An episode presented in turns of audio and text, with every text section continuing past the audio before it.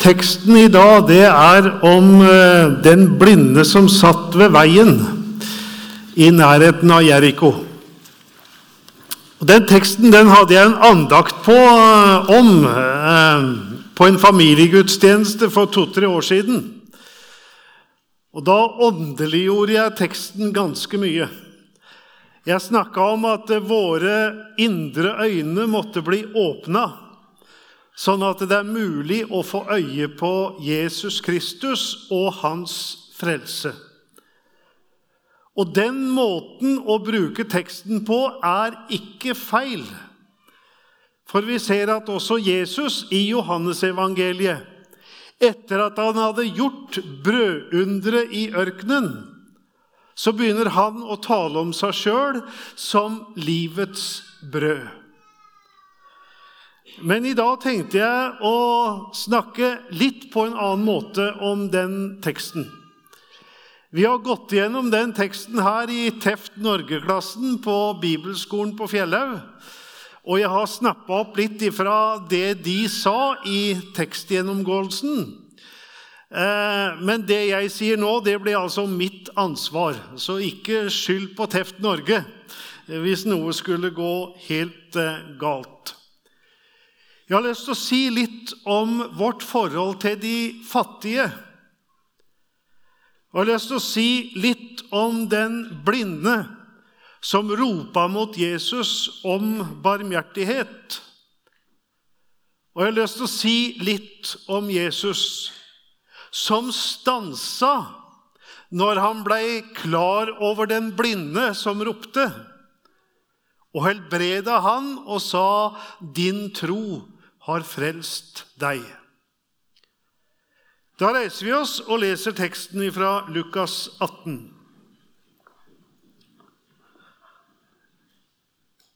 Da Jesus nærmet seg Jeriko, satt en blind mann ved veien og tigget.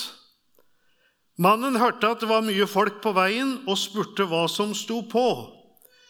De svarte ham, 'Jesus fra Nasaret kommer forbi.' Da ropte han, 'Jesus, du Davids sønn, ha barmhjertighet med meg.' De som gikk foran, snakket strengt til ham og ba ham tie. Men han ropte bare enda høyere, 'Du Davids sønn, ha barmhjertighet med meg.' Jesus stanset og ba om at den blinde skulle føres til ham. Da han kom nærmere, spurte Jesus ham, 'Hva vil du jeg skal gjøre for deg?' Han svarte, 'Herre, la meg få syn igjen.' Jesus sa til ham, 'Bli seende, din tro har frelst deg.' Straks kunne han se, og han ga seg i følge med Jesus og lovet Gud. Og hele folkemengden som så dette, lovpriste Gud. Amen.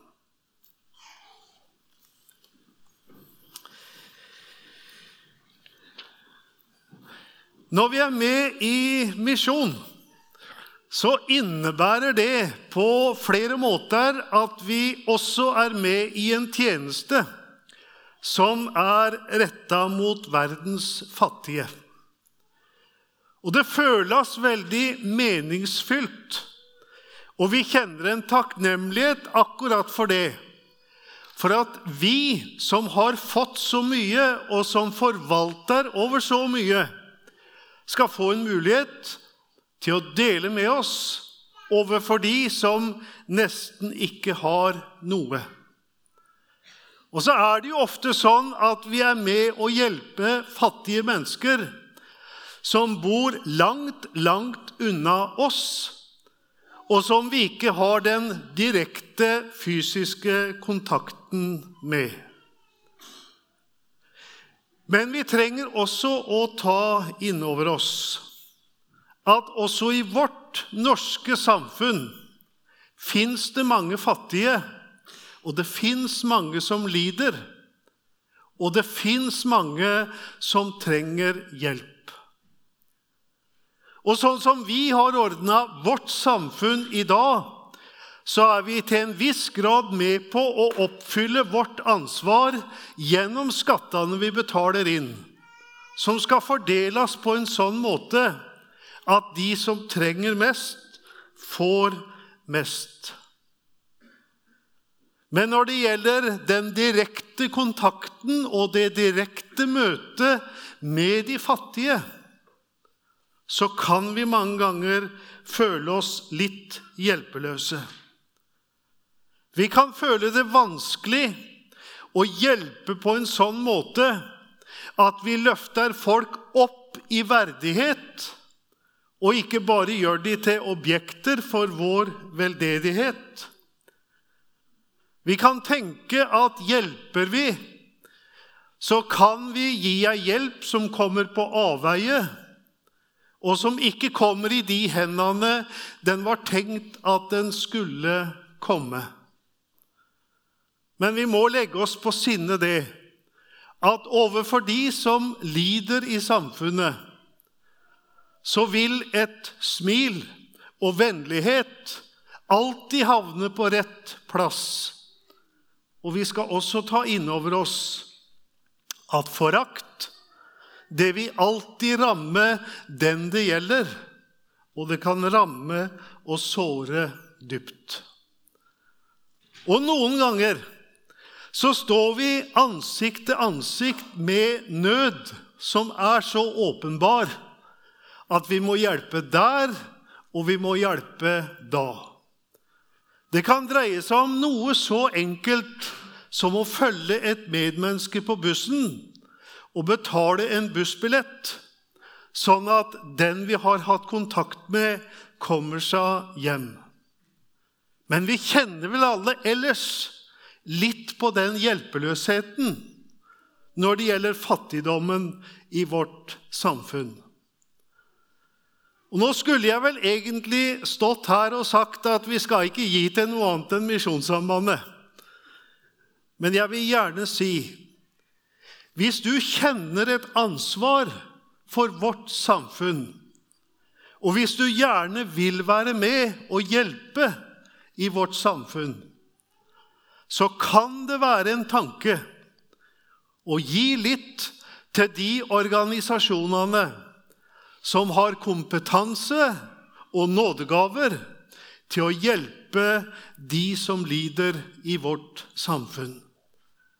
Så føler vi det som meningsfylt å være med og låne ut sportsutstyr på Frivillighetssentralen på Sagene, sånn at eh, de som vil, kan få seg en tur på skøytebanen. Det er diakoni i praksis.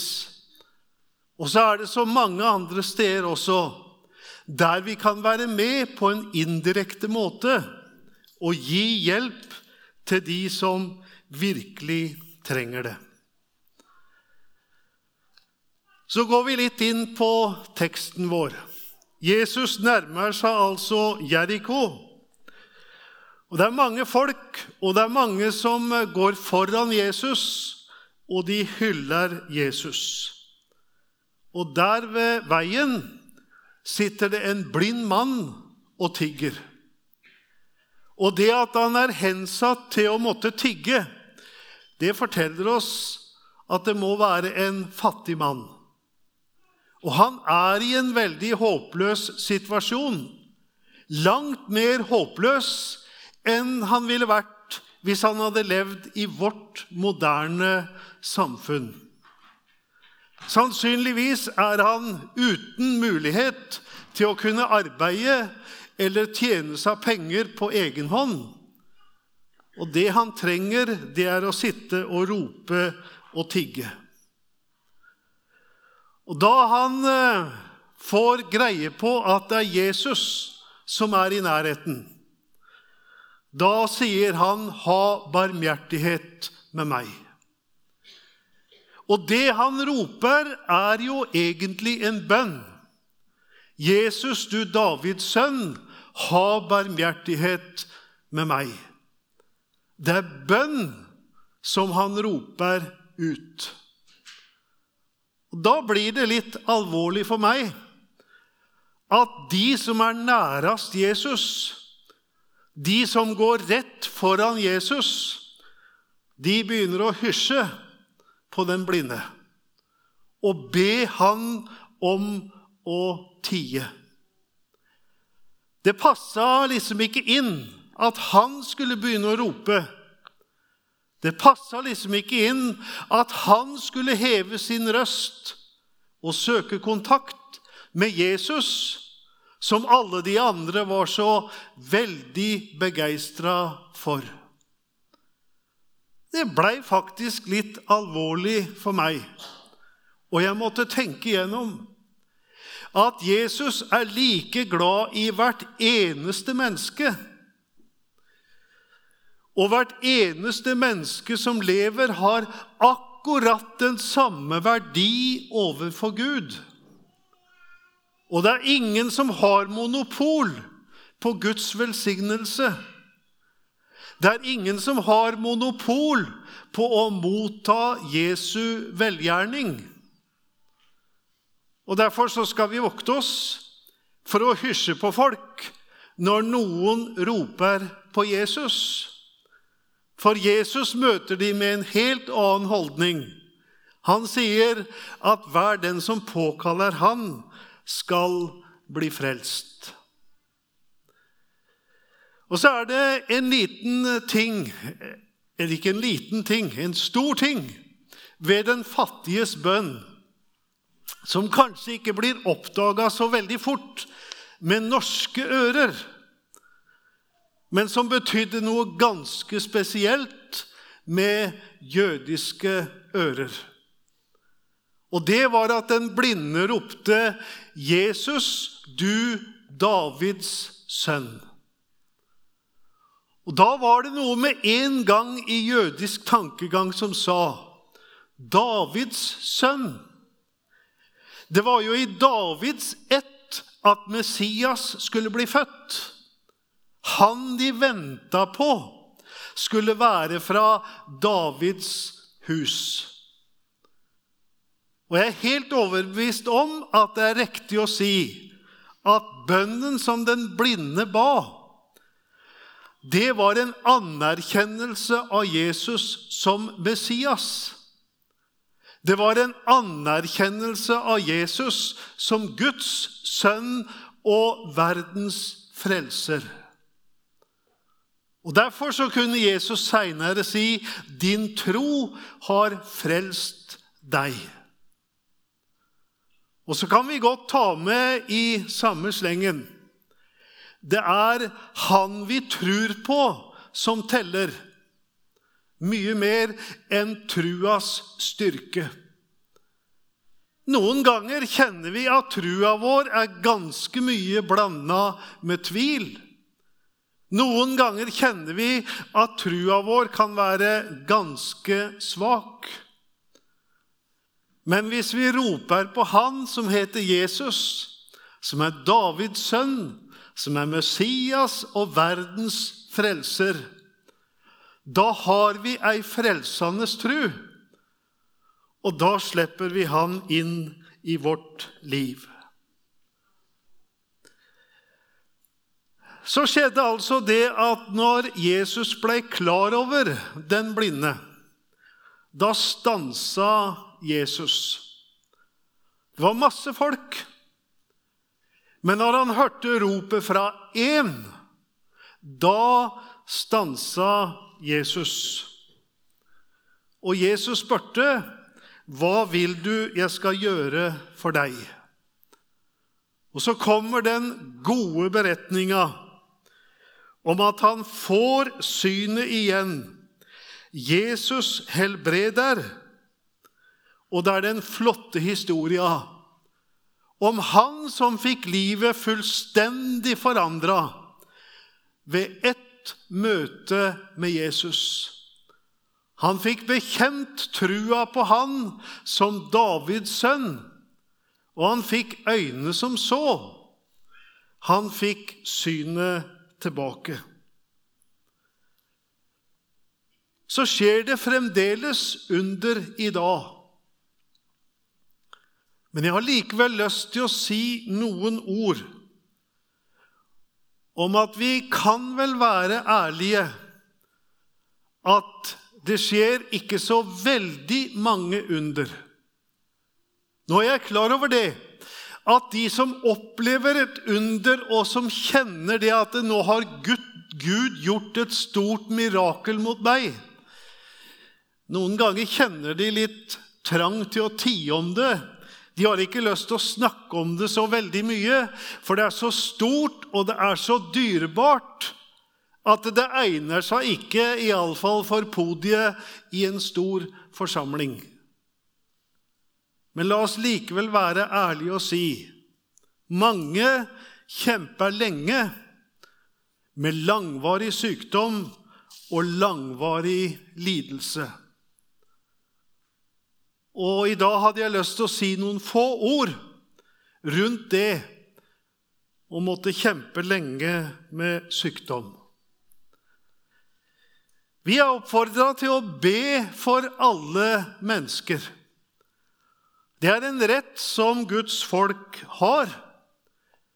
Og når vi er i kontakt med syke, så kan vi gjerne be om at de må bli friske. Sjøl om det viktigste er at de må bli frelst og få det evige liv, så må vi gjerne be om helbredelse og helse for de som er syke.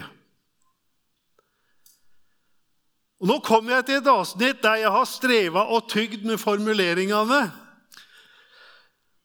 Men det er noen som opplever det at de fra noen hold møter en form for fordømmelse når det ikke skjer et under som er klart og tydelig med en eneste gang. Og så kan de oppleve trøkket fra mange om at du må bli helbreda. Det vil Gud. Det kan de oppleve som litt utidig og litt pressende. Og at det nesten blir formidla på den måten der at du lever ikke et fullverdig liv så lenge du er syk. Så hadde jeg lyst til å minne oss litt om det i dag. En viss forsiktighet når det gjelder iallfall offentlig bønn for konkrete mennesker som er syke. Hvis de ikke sjøl har bedt om det.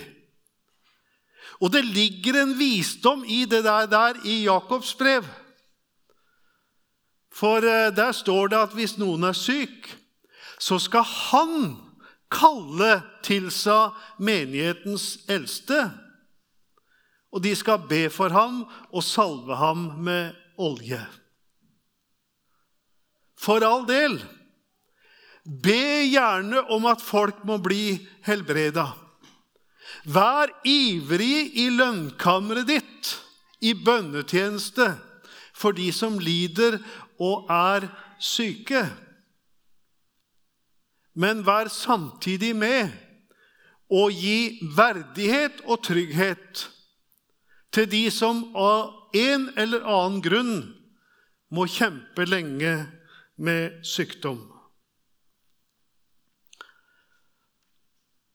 For mange, mange år siden så hørte jeg noe fra en pinsevennleder som gjorde veldig inntrykk på meg.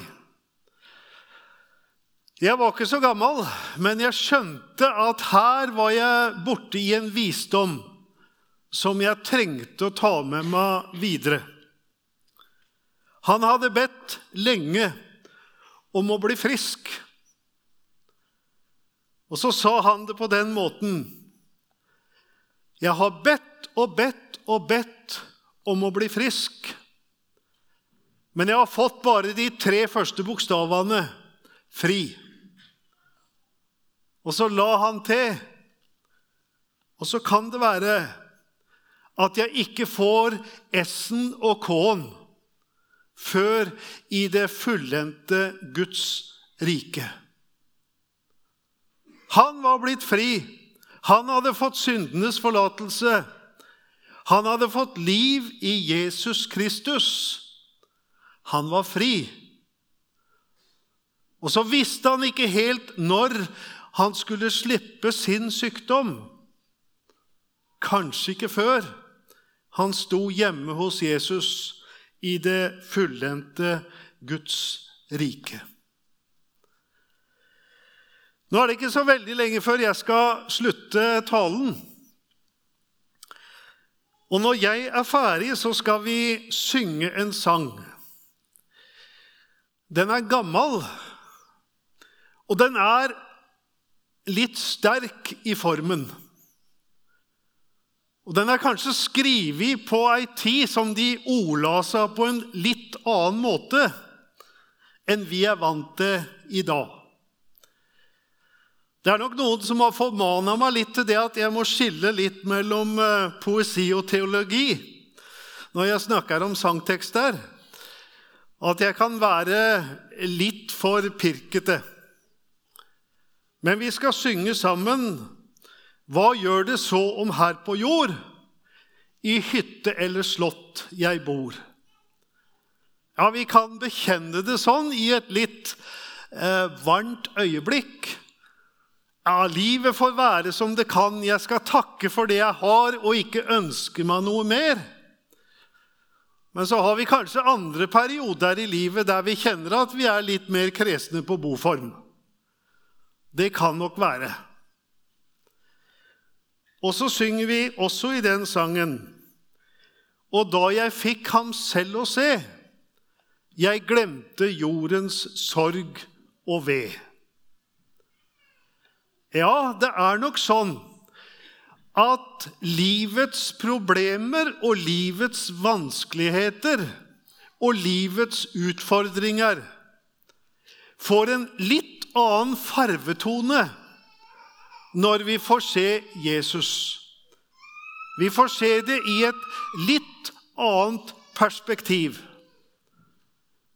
Men sangteksten betyr ikke det at vi glemmer alt sammen. Vi kjenner vel på de veene som er, både i samfunnet og i skaperverket for tida. Det er ikke så lett å glemme alt sammen. Og Derfor er jeg glad at Jesus sjøl har sagt salige er de som sørger. Det kan sannelig være nok å sørge over, både når det gjelder min egen synd, mitt eget liv, det samfunnet jeg lever i, og det skaperverket som jeg er med på å forvalte. En kan ikke glemme alt det. Men eh, som jeg sa eh, Utfordringene får en litt annen farvetone når en får se Jesus og får det evige liv som håp. Men det er én setning i den sangen som jeg har lyst til å legge litt innover oss. Hvor Jesus er, jeg himmelen har. Så kan du sitte på stolen nå i formiddag og ha det vondt på mange vis. Du kan ha mange spørsmål som er totalt ubesvarte for deg. Du har kanskje noen du er glad i, som du ber for. Og du kan ikke skjønne at Gud, som har all makt i himmel og på jord, at ikke han bare griper inn et sekund, så ville alt vært snudd. Så er livet fullt av floker sånn. Men vend hjertet til Jesus. Da stanser han. Da får du komme bort til han og leve livet sammen med han. Og så får du kjenne litt av det. Hvor Jesus er, jeg himmelen har. Amen.